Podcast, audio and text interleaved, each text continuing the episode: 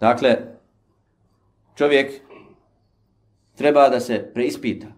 Dunjaluk je kratak, brzo prolazi. Niko od nas ne zna koliko mu je Allah odredio života. Treba se truditi da se približi uzvišenom Allahu sa dobrim djelima. Treba se kajati za svoje grijehe, popravljati svoje stanje. Muslima ne smije dopustiti da mu prođe jedan dan, a da nije popravio svoje stanje, da nije išao naprijed. Jer ako ne ideš naprijed, onda definitivno ideš nazad. Jer ne možeš stajati u mjestu. Čim si stao u mjestu, odmah si prekršio naredbu uzvišenog Allaha. Natječite se u dobrim djelom. Ti kad stajiš u mjestu, već, već si upadaš u grijeh i, upadaš u nepokornost uzvišenog Allaha. Zato nema stajati na, u, u mjestu.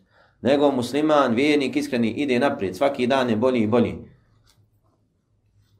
Sve do dok mu se ne približi smrt, a u tom periodu bude najbolji. I zato, kako kaže poslanik sallallahu alejhi ve sellem, al-amalu bil khawatim.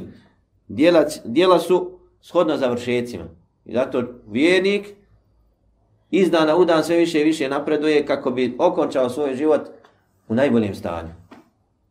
U najboljem stanju, najbliži uzvišenom Allahu. Kaže poslanik sallallahu alejhi ve neka niko od vas ne, um, ne umre, a da nema lijepo mišljenje uzvišenom Allahu. Dakle, mora imati lijepo mišljenje o Allahu. A kako čovjek da ima lijepo mišljenje o Allahu? Ako mu je nepokoran, šta da očekuje od Allaha ako mu je nepokoran, ako mu griješi svaki? Nada se milosti, a prko si Allahu svojim djelima. Allah je milostiv, najmilostiviji od svih milostivi. I oprostit će grijehe, sve onom ko se iskreno pokaje. Ali vjernik koji je pokoran, ko se boji Allaha i kada je sam i kada je sa drugima, On se nada iskreno Allahove milosti.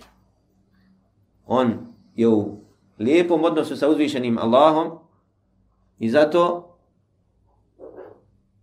u tim zadnjim trenucima nada prevlada kod njega strah od Allahove kazne.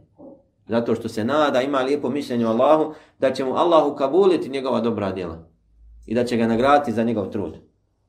Za razliku od oni koji su griješili uzvišenom Allahu, koji će se strahovati, koji će strahovati i bojati se za sebe grijeha. I onda često takvi upadnu u beznađe, izgube nadu u Allahovu milost. A to je veći grijeh od, od samog grijeha za kojeg se boji. Da čovjek izgubi nadu Allahovu milost. Jer Allahova milost nema granice.